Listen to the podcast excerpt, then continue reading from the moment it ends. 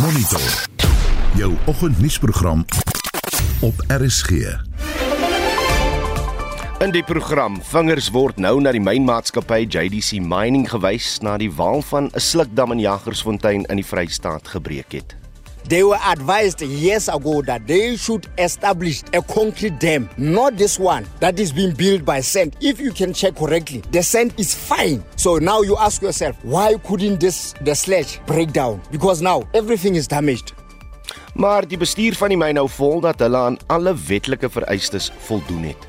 The last report, uh, engineering report that was submitted by the mine was in June this year.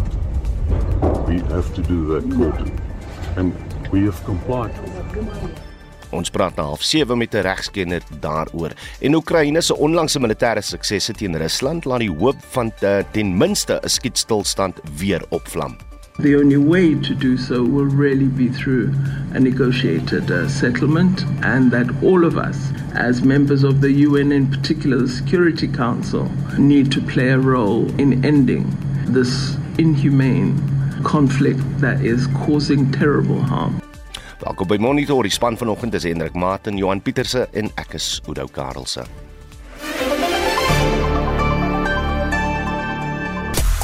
Nou die minister van Justisie, Ronald Lamola sê hy het 1,1 miljard rand aan die nasionale vervolgingsgesag toegewys. Die rede hiervoor is om die voorstelle van die Zondo-kommissie oor staatskaping uit te voer. Dit is wel interessant dat Lamola hierdie opmerkings by die Rand Aksep Bank beleggingskonferensie in Kaapstad gemaak het. Hy sê misdadigers word al hoe meer gesofistikeerd.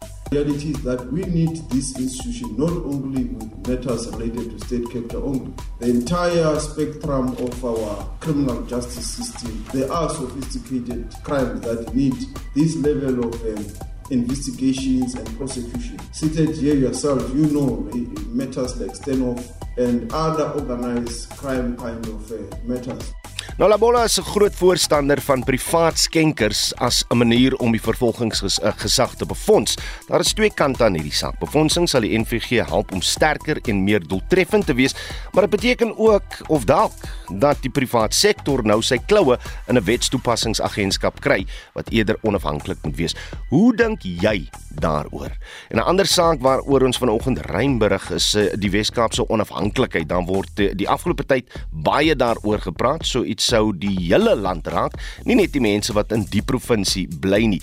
Wat dink jy? Is dit moontlik? Is dit wenslik? Is dit wat is dit wat jy vir jouself wens as jy miskien in die Wes-Kaap bly? Stuur 'n SMS na 45889 teen R1.50 per boodskap of praat saam op die Monitor en Spectrum Facebook bladsy. Jy kan ook vir ons 'n stemnota stuur op 076 536 6961.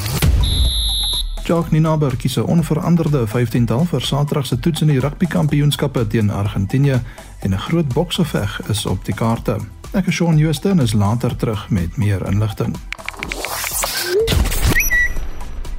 Op sosiale media is dit merk Senzo Mjiwa trial al sowat 14000 keer gedeel en dit is na aanleiding van die voormalige Bafana Bafana sokkerspeler Senzo Mjiwa se moordverhoor wat steeds in die Hooggeregshof in Pretoria voortduur. Vyf man staan tereg op sy moord.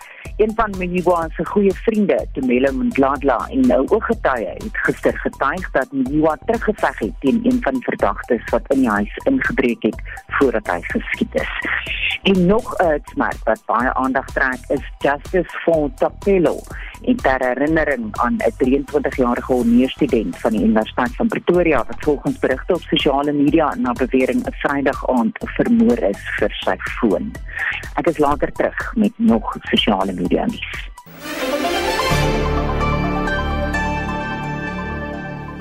13 minute oor 6. Ten minste 10 organisasies en politieke partye het gister 'n uh, indaba oor die afwendeling van magte in die Weskaap bygewoon. Die Cape Independence Advocacy Groep het dit gereël. Een van die organisasies wat aan die beraad deelgeneem het, is die Kaapse Forum. Ons praat nou met die voorsitter van die Kaapse Forum, Hendrik Weingart. Hendrik, goeiemôre.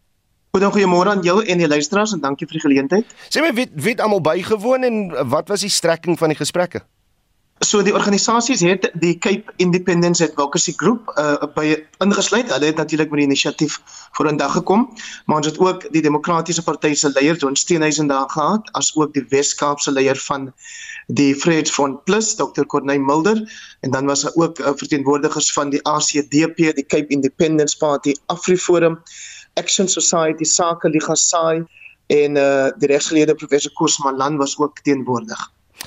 Toe ons laas gesels het, Hendrik, was jy besig om te probeer om die ondersteuning van die Weskaapse premier te verkry vir 'n referendum. Wat wat se jongste daaroor? Wat intussen gebeur het is dat ons wel toe 'n vergadering gehad het met die premier Ellen Windy en uh, ons het in daai vergadering ooreengekom dat daar bestaan eintlik reeds 'n artikel, die is artikel 127127 in die grondwet wat voorsiening maak vir provinsiale referendums. Die struikelblok is dat daar nie nasionale wetgewing bestaan om dit in werking te stel nie. So die nuutste daaroor Oudo is dat ons nou geskryf het aan die minister van binnelandse sake Dr Aaron Motsoaledi en hom tyd gegee tot 30 September hierdie maand, einde van hierdie maand om vir ons te sê of hy voorneme is om daai wetgewing ingestel te kry. Hmm. Indien nie, sal ons ons dan tot die Hooggeregshof en indien nodig tot die konstitusionele hof wend. So dis nou wat wetlik moet verander om die referendum te bewerkstellig. Uh, tweedens, is daar enigiets wat wetlik moet verander om die afwendeling van magte te bewerkstellig na die Weskaap toe? Daar's minstens twee ander artikels in die grondwet wat voorsiening maak daarvoor. Die een is artikel 235 wat praat oor selfbeskikking waar groepe of gemeenskappe op grond van gedeelde kultuur en taal kan um, ek wil nie sê aansoek doen nie, maar kan aanspraak maak daarop om om hulle self te bestuur en dan artikel 99 wat voorsiening maak daarvoor dat 'n nasionale minister van sy magte kan afwentel vrywillig natuurlik mm. na 'n provinsie of die stad Kaapstad. So die luisteraars sal weet dat die nasionale minister van vervoer reeds in gesprek is met die stad Kaapstad oor byvoorbeeld die bestuur van die spoornetwerk en uh, dit is ehm um, ook skielik ek het nagelaat om te sê dat ons ook die Kaapstadse burgemeester Jordan Hiloos by die beraad gehad het en en hy het byvoorbeeld ehm um, gepraat oor die oor hoe dat hulle artikel 99 probeer aanwend hmm. as 'n manier om van hy magte afgewendel te kry spesifiek ook wat polisieering aanbetref. Ja, eintlik net vinnig wat sou volgens julle die die die die mense van die Weskaap in gemeen hè van 'n kulturele of of 'n uh, taalopsig om om artikel 235 te kan gebruik. So die Kaapse Forum is nie 'n voorstander daarvoor dat artikel 235 gebruik ah. word nie. Um onthou die die Kaapse gemeenskappe is net te divers. Dis juist daai diversiteit wat uh die grondslag okay. is van 'n organisasie soos Kaapse Forum, maar die mense dit organisasies wat hierdie beraad bygewoon het, het ooreengekom dat politieke partye sal binne die parlement en burgerlike organisasies van buite saamwerk op hulle verskillende platforms en op daai manier seker maak dat daar toenemend druk op 'n onbeholpe nasionale regering toegepas word sodat gemeenskappe hulle self kan bestuur of sodat 'n provinsie soos okay. die Weskaap wat al oor en oor bewys het hulle kan dit doen van daai magte afgewend wil kry. So met ander woorde na hierdie forum is is die konsensus dat julle as groep afwendeling wil sien en nie die onafhanklikheid polities van die Weskaap nie, is ek reg? Daar is van die organisasies Odo wat uit en uit onafhanklikheid of afstigting voorstaan. Ons gaan 'n werkgroep um, in die lewe roep waar al die verskillende organisasies met die verskillende skakerings wil ek amper sê hmm. van van wat hulle wil hê uh, verteenwoordig sal word. Kaapse Forum is ten gunste van die afwendeling van die magte, nie Okay. onafhanklikheid of afstigting nie. Reg, dit was die voorsitter van die Kaapse Forum, Hendrik Weingart. Ons bly by die onderwerp en praat nou met Despam, die bedryfsdirekteur van een van die organisasies wat nie gister se beraad bygewoon het nie, Cape Exit. Des goeiemôre. Hallo, goeiemôre, goeiemôre aan die monitor luisteraars. Net so vinnig, wie en wat is Cape Exit? Uh, Oor Cape Exit is 'n nuwe politieke party, ons is 'n burgerorganisasie en ons streef vir een doel en dit is die soewereine onafhanklikheid van die Weskaap. En julle wil dus dan soos Heinrich Weingart nou verduidelik het, julle wil dus dan artikel 235 van die grondwet gebruik om om dit te bewerkstellig, is ek reg? Nou, artikel 235 is die afgrondbek. Ehm um, ons verstaan dat die die Weskaapse regering sal nie ehm uh, die op reageer op onafhanklikheidsversoeke nie hoef nie nasionale regering nie maar jy moet jou plaaslike remedie uitput So 235 is die is die werksspringplek, maar ons sal uiteindelik uh, volgens artikel 1 en artikel 20 van die internasionale wetgewing gaan. En, en wat behels dit? Uh, dit is die uh, humanitêre en politieke regte van minderhede en gebaseer daarop as die gemeenskaplike taal, ehm um, kultuur, geskiedenis, uh, geografiese gebied ensovoorts deel, ehm um, wat basies al die mense binne die Weskaap insluit. Uh, dan is jy geregtig om te streef na onafhanklikheid. Wag, verduidelik net wie die minderheid is wat, wat jy verteenwoordig. Die die minderhede in Suid-Afrika ehm um, wat demografies op hierdie stadium nog in meerderheid in, in die Weskaap is, ehm um, sluit in jou breinmense, jou koei, jou san, jou muslim, uh, blankes, dit val onder die minderhede en dit word ook so internasionaal as 'n minderheid gesien. Kyk, hoekom het julle dan nou nie die uitnodiging om in Daba by te woon vir uh, uh, uh, aanvaar nie? Dit is baie eenvoudig. Uh, ons wil nie 'n gesprek gaan hê oor hoe die afwendeling van magte gaan plaasvind as ons nog nie 'n gesprek gehad het of dit gaan werk of nie. Daar is baie vrae wat ons het rondom rondom dit en baie vinnig. Uh, vrae is waar gaan die geld vandaan kom? Wie gaan die begroting beheer? Uh, vir ons gaan polisieering, justisie en gevangeniswese gaan saam. Jy kan nie polisieering beheer en justisie en gevangeniswese nie. As jy misdaad die hoofde begin inskiet, waar gaan jy geld vandaan kry? Nasionale regering gaan nie vir jou geld gee nie. Ehm uh, en dan sit jy met 'n situasie van die provinsiale regering moet in alle koste die afwendeling laat slaag en dan wie toe van hulle nog geld hulle gaan na die belastingbetaler toe. En maar dit is net verwys na die uh, die, die spoorwetgewing of spoorweer en dis kom verwek wat ons kyk na die konsep wetsontwerp van spoorweer wat die provinsiale regering op 29 Maart 2019 uitgesit het. Hmm. En er word vir 5 sê dit duidelik dat die provinsiale minister mag die voorsiening van spoordienste fasiliteer uit fondse wat die provinsiale parlement deur die parlement bewillig is. Waar gaan die parlement se fondse kry? Geen regering mag sy eie geld nie. Hy wil van die mense afkry. En wat sukses noem dit dat die uh, munisipaliteite sal 'n deel van die koste mag dra. Weerens waar kry die munisipaliteit se geld? By jou as die belastingbetaler. So ons hoe fundamenteel is daar baie vrae rondom dit natuurlik die grootste uh, uh, uitdaging of gevaar en dit word deur baie politieke kenners bevestig is dat op enige stadium kan 'n afgewendelde mag deur die Suid-Afrikaanse regering teruggeneem word dat Suid-Afrika Suid-Afrika daai opsig is 'n unitaire staat en as jy luister as twyfel daaroor kan net gaan kyk wat het koste gebeur het die inwoners die watervoorsiening self reggemaak het en die munisipaliteit behoefte te neem met teruggeneem. So ja, ehm um, dit is vir ons en jy kry die Suid-Afrikaanse regering wat baie hard en duidelik sê ons stel nie belang in algemeen van magte nie. En aan die ander kant dan kry die plaaslike regering in die Weskaap wat sê ons sal dit hand in hand beveg en ons sal hof hmm. dan en kyk ek se bly vra met wie se geld. En dit was Despam, die bedryfsdirekteur van Cape Exit. Die hoof van Delft Hoërskool in die Wes-Kaap het talle leerdlinge weens onvolledige skooluniforms huis toe gestuur. Die Delftgebied word deur bende geweld getuister en 'n skoolier is onlangs net 'n paar meter van die skool af geskiet. Varika Reyklif, 'n menseregte aktivis van 1 Billion Rising, het aan Vincent Mofokeng gesê die skoolhoof en die beheerliggaam is oor die kwessie genader, maar haar pleidooi het op dowe ore geval. Gisteroggend was daar um, toe ek uit die deur kom. Ek is ook een van ja, ek was 'n koördineerder vir daar as 'n walking bus. So altyd ons ons was maar altyd oop vir die kinders se veiligheid en soggens en en smiddags as hulle huis toe gaan. En omdat ek naby die skool bly, is ek altyd vigilant op wat aangaan.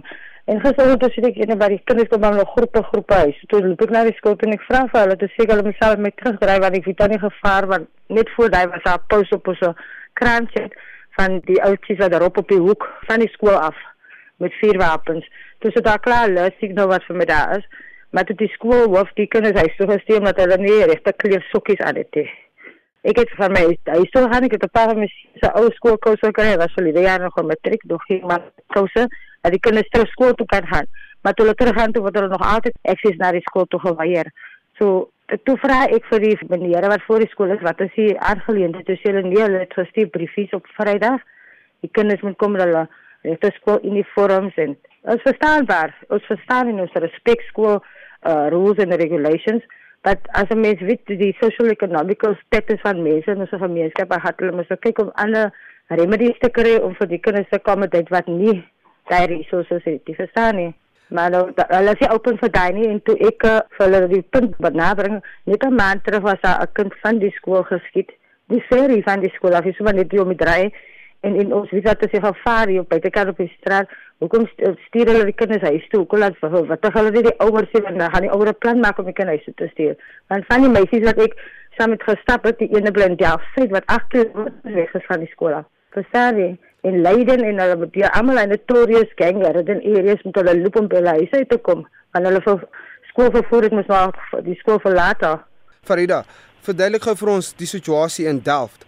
Dit is ja. dis 'n bende area, baie geweld ja. in die area en dit is seker jou grootste kommer. Dit is my grootste kommer. Alle eerlikheid, dit is my grootste kommer. Ek wil nie met niemand beklei van die skool of nie of hulle te nakom of enige manier as my my grootste kommer is net die kinders se veiligheid as hulle die kinders huis toe stuur. Hulle vandag het dieselfde ding gedoen. Oggend weer dis die kinders huis toe gestuur. En ek praat nie van 'n handjie vol kinders, dit was honderde kinders wat huis toe gestuur het. Is daar nie? Ek sien die foto's wat jy geneem het op ja, Facebook. Ja, dit was ja, dit was honderde kinders wat huis toe gestuur het. En ek het self, ek het saam met die Hawking Bus members en ewen van die parents het ons self die kinders een vir een so uitgesort nou wat is vir met DNA en wat is vir breine. Want hulle hulle is ordentlik gekleed.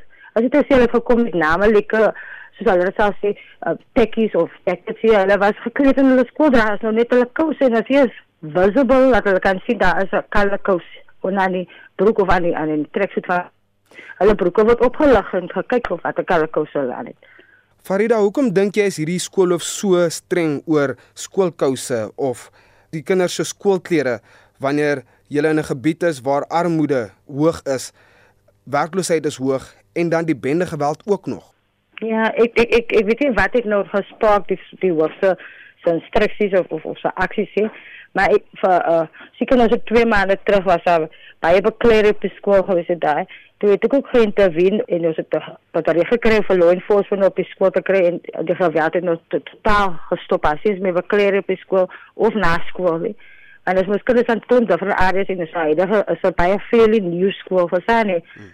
Maar nou nou wat alles nou kalm is nou, is dit nou die sokkie storie. Hm. En en, en vir, vir my voel dit net hulle die private en hulle learnings en is dan nou eksamentyd ook nou. En ehm um, watse ingryping het julle nou voor gevra of is die departement betrokke? Ek het eintlik gevra om die prinsipaal te meet sy sy sy weier completely. Ek het met die ehm um, school governing body uh, a conversation had daar wat ook hier reply nie so so it, obviously is hulle nie open om vir discussion nie vir sani.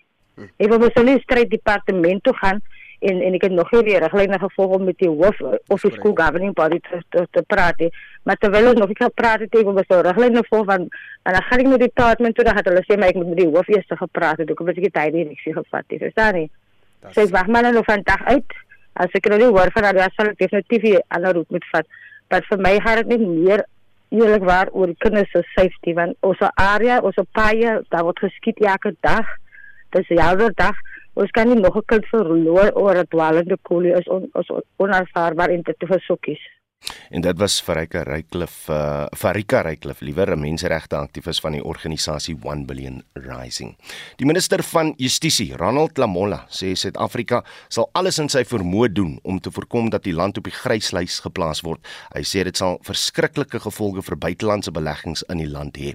Lamola sê dit kan beleggers vertroue verminder en dit 'n negatiewe impak op die finansiële welstand van die land. Hy het beleggers by die Rand Accept Bank se groot 5 beleggingskonferensie in Kaapstad toegespreek. Vincent Bofuking het meer besonderhede.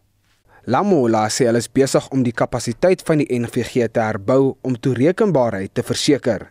Hy het meer as 1,1 miljard rand bewillig om onder meer die inwerkingstelsel van die aanbevelings van die Zondo-kommissie te bespoedig. Lamola sê die NVG het poste gevul vir gespesialiseerde vervolgings en lesenaar teen geldwasery geskep, insluitend versoeke vir wederwysige regsbystand oor staatskaping ondersoeke na aantal lande soos die Verenigde Arabiese Emirate, Kanada en China. Lamola sê misdadigers het meer gesofistikeerd geraak en daarom is gespesialiseerde ondersoek en vervolging nodig. There are sophisticated crimes that need this level of investigations and prosecution. Seated here yourself, you know the matters like Stenhoff, and other organized crime kind of uh, matters. Of if uh, a CA like Mr. Vise is still not sure what happened there, you can understand what will happen to any investigating institution. I mean, he was a CA, dribbled by another CA. So it's a reality that we need the same level of sophistication. Lamola sê 'n aantal wetsontwerpe, soos die wetsontwerp teen geldwasery en die bekamping van terrorismefinansiering, word reeds in die vooruitsig gestel. Die wysigingswetsontwerp op die beskerming van die grondwetlike demokrasie teen terroriste en verwante aktiwiteite is een van die stukke wetgewing wat daarop gemik is om 'n wesenlike reaksie op die bevindinge van die finansiële aksietaakspan te verskaf. Lamola sê die moontlike grysnotering van Suid-Afrika sal nie net buitelandse beleggings ontmoedig nie, maar sal ook strukturele ongelykhede onder Suid-Afrikaners verdiep. The key thing is the commitment which we have shown and um, the fact that some of them are already in parliament is a clear sign that the government is committed to respond to these uh, challenges of uh, illicit cash outflows. Lamola sê van die veranderinge is om te verseker dat staatsinstellings in die toekoms immuun is teen staatkaping.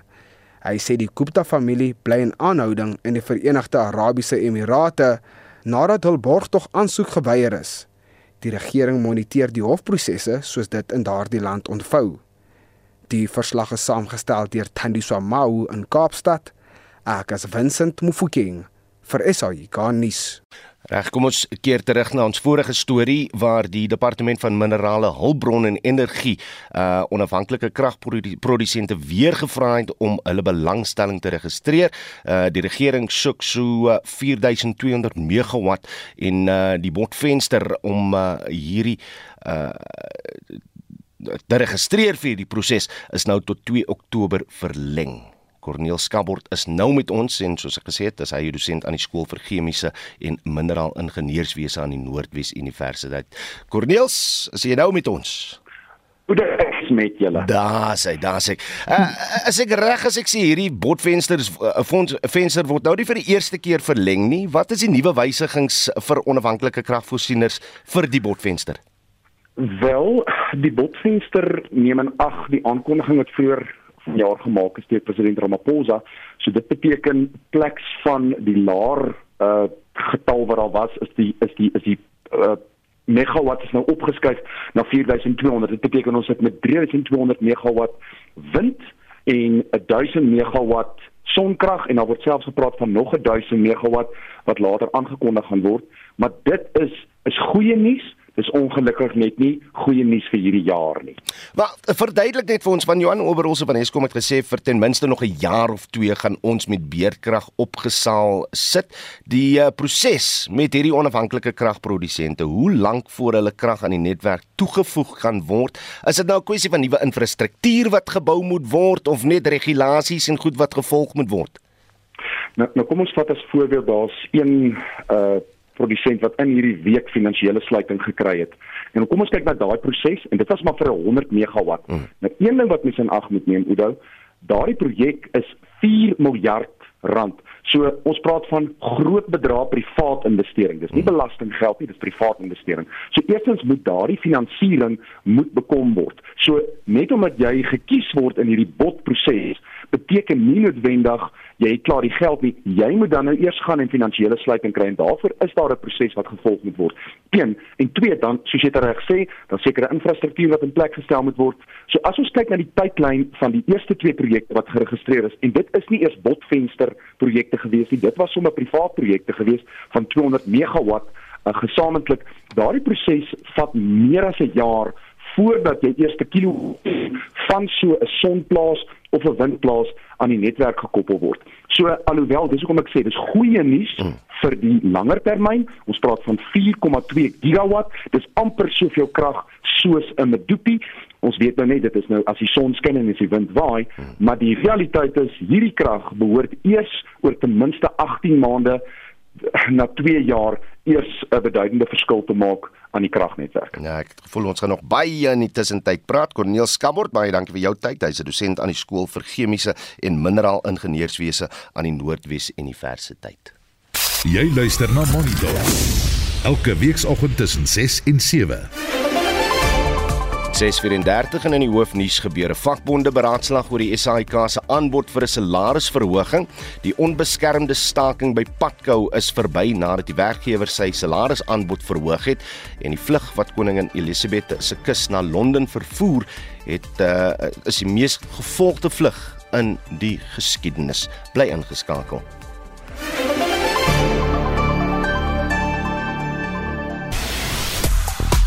Reg ons praat vanoggend uh, oor 'n paar dinge, maar meer spesifiek, uh, die privaat sektor se rol in die nasionale vervolgingsgesag.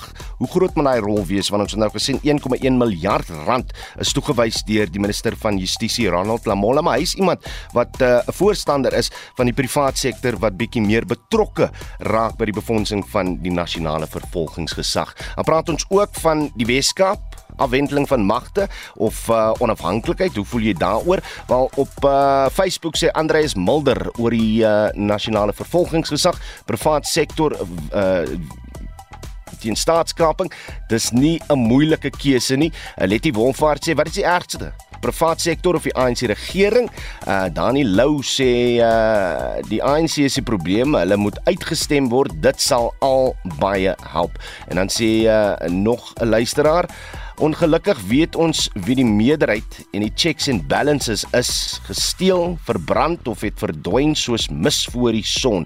En dan laaste 'n boodskap hier van Bets Ferreira se wel die geld moet iewers vandaan kom en die staatskoffers is leeg. Ek hoop net iemand hou 'n oog oor daardie fondse. Die regering kan steeds nie vertrou word nie. Dan op die SMS lyn praat 'n paar van julle oor uh, wat Farida nou gepraat het oor in Delft Suid waar die kinders nou huis toe gestuur is omdat hulle nie hier geen uniforms dra nie. Ehm um, anoniem sê baie dankie Farida. Ons kinders het jou nodig.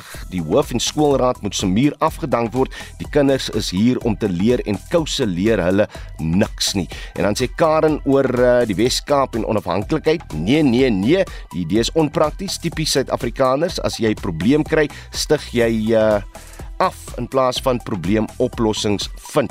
Ons moet saam staan. Dis die boodskap van Karen. Nou as jy deel wees uh, wil wees van die geselsie, ehm um, stuur vir ons gerus 'n SMS na 4588919 R50 per boodskap of praat saam op die Monitor en Spectrum Facebook bladsy. Jy kan ook vir ons stemnota stuur na 0765366961.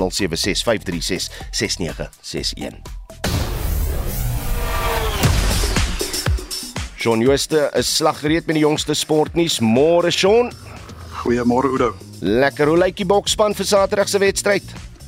Ja, vrugter Jacques Ninaber het uh, dieselfde beginspan aangekondig wat 2 weke gelede 24-8 met Australië afgereken het en dis nou om Saterdag se toets in Buenos Aires te begin. Daar is egter 3 veranderinge op die plaasvervangersbank gemaak.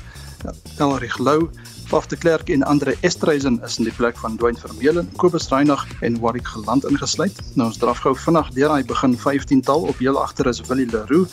Die twee vleuels Makazole Mapimpi en Kenan Moody. Die senterpaar is Damian Dalende en Jesse Kriel. Damian Willems het die loskakel, Jaden Hendricks het die skrimskakel. Jasper Wiese is die agste man met Sia Kolisi en Franco Moster die twee flanke. Die slotpaar is Eben Etzebeth en Lode Jager. Die akker Melke Marx en Steven Kitshoff en Frans Malherbe is die twee stitte en die skop Saterdag aan 10 oor 9 Suid-Afrikaanse tyd af. Reg, wat het gisteraand in die Kampioenligga gebeur? Bayern München het Barcelona met 2-0 en Bayer Leverkusen het Atletico Madrid ook met 2-0 geklop. Liverpool 7-4-2-1 teen Ajax Amsterdam en Sporting Lisbon het Tottenham Hotspur met 2-0 oorrompel. En natuurlik Porto is ook eh, afgerandsel op hulle tuisveld met 4-0 deur Club Brugge. En op die tennisbaan vind die uh, Davis beker wêreldgroep se laaste 16 ronde hierdie week plaas nie waar nie. Ja, die eerste ronde wedstryde het gister begin. Australië het België met 3-0 afgeronsel en dan was die telling 2-1 vir Swede teen Argentinië, Kanada teen Suid-Korea en ook Nederland teen Kazakhstan. En laastens 'n groot boksgeveg is op die kaarte. Ja, Anthony Joshua se bestuurspan het die uitdaging van Tyson Fury vir 'n swaargewig geveg aanvaar. Fury het Joshua 40% van die prysgeld aangebied om saam met hom in die boksklei te klim. Ons wag nou vir meer inligting oor die sogenaamde Battle of Britain geveg. En dit was Shaun Jooste met die jongste sportnuus. Die minister van Minerale Hulpbronne en Energie, Gwedi Mantashe, het gister met die mynmaatskappy JDC Mining in Jagersfontein in die Vrystaat vergader. Die firma besit die myn en is verantwoordelik vir die verwerking van die modder in die Slukdam. Die damwal het Sondag meegegee op die dorp se in die dorp is oorstroom. Ons praat nou met Richard Spoor, die menseregte prokureur, oor die wetlike gevolge van die ramp. Richard, goeiemôre. Môre Uda. Gwedimantasie het met sy besoek aan Jagersfontein die beer se naam gebruik as die verantwoordelike party of een van die verantwoordelike partye. So verduidelik net net vinnig, hoe pas die beers in by JDC Mining se bedrywighede? Ehm um, die beers het in 1940 omtrent uh, die myn ehm um, gekoop. En hulle het die myn geopereer tot 1970 omtrent. Daarna is die myn gesluit in die um, so 20 jaar terug was daar 'n hofsaak oor die eienaarskap van die ehm um, rotshoope wat daar lê. Daar is so in so 40 miljoen ton kimberlite. Dit is nou erts wat diamante bevat wat daar lê. En die hof het besluit dat daai erts behoort aan die beurs en dat die beurs geen mynlisensie nodig het om die ehm um, kimberlite erts te, ver, te verwerk. Hmm. So op daai stadium was dit nie meer 'n myn nie. Maar in 2010 verkoop die beurs die reg om daai erts te verwerk aan Reinet. Dis 'n maatskappy wat uh, ook Richmond besit en wat bestuur word deur Johan Rupert. Hmm. Hy begin daar diamante ehm um, werf uit daai daai kimberlite erts en hulle produseer so 20 uit to 28000 uh, karat per jaar. Hmm.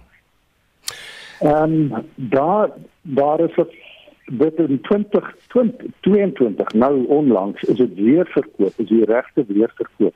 Maar dit blyk dat die stort hoop hmm. in die slukdam nog steeds aan die beurs behoort hmm. en dat die operateurs dit net verwerk maar dit behoort nog steeds aan die beurs. So, Dis wat die departement sê. So met ander woorde, hulle sal per slot van som uh, uh, hulle is verantwoordelik vir wat daar by die uh, damwal gebeur het. Dit sal afhang van die aard van die kontrakte wat hulle aangegaan het met uh, Riemer en later dan weer met uh, okay. um, John Star. Nou, Richard, ek weet jy is nie 'n siviele ingenieur nie, maar as ons luister na wat mense uh, die mense van die myn sê dat hulle 3 3 uh, of 4 dae voor die tragedie geen tekens gesien het van enige skade aan die damwal nie, terwyl die gemeenskappe sê hulle waarskynlik nou al 'n geruime tyd dat die tragedie aan die kom is. As daar swak plekke in die damwal was, watter owerheid sou dit moes raak sien? Waar sou dit aangemeld word? Net noem dat dit blyk duidelik in in die jare sedert 2010 het die grootte van daai dam verdubbel. Hulle was besig om daar so 2 miljoen kubieke meter per jaar te stort. En in die laaste jare het dit verdubbel. Daar is ook duidelike aanduidings aan Google Earth dat die wal wat gebreek het uitsit. En dis ook duidelik van Google Earth dat daar pogings aangewend was om daai wou te buttress. Hmm. Daar is ook probleme met die manier die die dam het op 'n gereelde basis geovertop. Dit is die water vloei oor die top daar uit. Dit gebeur. Dit lyk asof daar geen ontwateringsstelsel in plek was of dat dit nie goed gewerk het nie. Nou, dit is alles aanduidings van 'n probleem. Die uitsetting van daai wal was so erg dat 'n pad verlei is om daar van weg af weg te kom. Daar is gelas die myn lisensie of die dam lisensie het gesê teen 2020 moet hierdie dam gesluit word. Dit is 'n voorwaarde van die lisensie van wat uitgereik is deur waterwyswese. Hulle het dit nie gedoen nie. Hulle het ook die lisensie voorwaardes verbreek deur hierdie groot hoeveelhede water daar te stort. Hmm.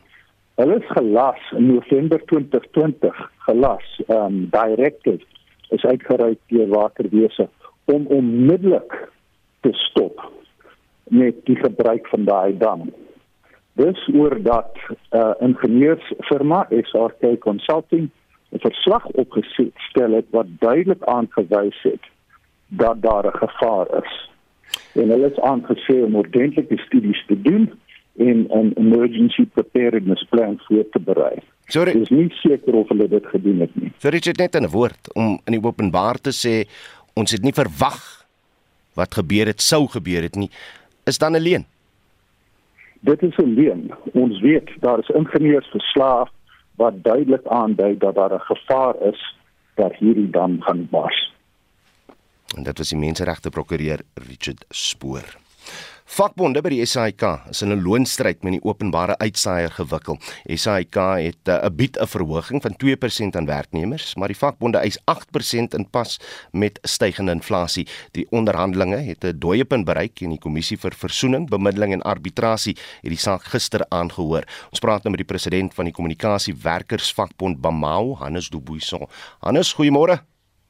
Goeiemôre. Wat het toe gister by die uh, kommissie gebeur? Is daar 'n hersiene bot op die tafel? Daar was so 'n klein uh beweging van die SAIK se kant af. Uh en dit is uh daar was voorheen 'n 2500 rand uh 'n once off uh eenmalige betaling aangebied uh aan werkers en dit het uh, opgegaan na 3000 toe dit natuurlik uh, na belasting uh, bly daar min of meer niks oor van daardie bedrag nie. En, en dit is uh, werklik die enigste beweging wat daar was uh, gister. Uh die uh, dit het die hele dag geneem en uh, die einde van die dag is daardie aanbod gemaak en dit moet natuurlik nou getoets word met SAIK werknemers as dit verwerp word dan is ons donderdag weer terug uh, dit is môre by die uh, by die kommissie en dan sal daardie proses voortgaan Ons almal weet die SAIK is in 'n finansiële verknorsing. Hoe weet julle of die uitsaaier hierdie soort verhoging kan bekostig aan is? Wel, hulle hulle sê dit, uh hulle kan dit nie bekostig nie en ons weet hulle kan dit nie bekostig nie, maar die SAIK is 'n uh 'n state-owned company, uh as mens so kan sê. Uh so dat hulle behoort aan die staat en uh, daar is geen ander staatsinstansie uh wat uh waar daar 'n vereiste is dat daardie instansie hulle eie inkomste moet met moet genereer en dis duidelik dat die SAIK se se se huidige bestuur nie in staat is om dit te doen nie.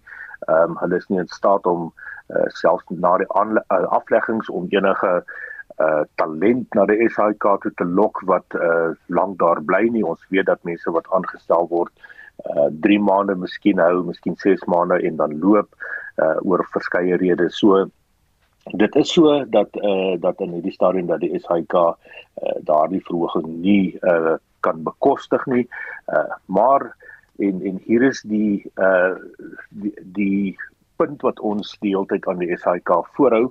Daar is uh, twee jaar terug is daar 'n korporatiewe plan hmm. deur die SHK saamgestel en in daardie plan wat deur die minister geteken is, was daar voorsiening gemaak vir die vorige boekjaar en hierdie boekjaar vir 'n 6% verhoging. Met ander woorde, die minister uh, het geweet dit is in daardie die regering het geweet daardie 6% is in daardie korporatiewe plan en dat daar voorsiening gemaak uh, moet word of behoort te word uh, al is dit dan uit staatskas om daardie verhoging uh, te befonds. Is dit nog te vroeg om te praat oor 'n staking? Uh, ek dink ek dink nie mense moet in hierdie stadium uh die negatiewe raak sien nie. Ons dit lyk asof die SAIK bereid is om verder te onderhandel.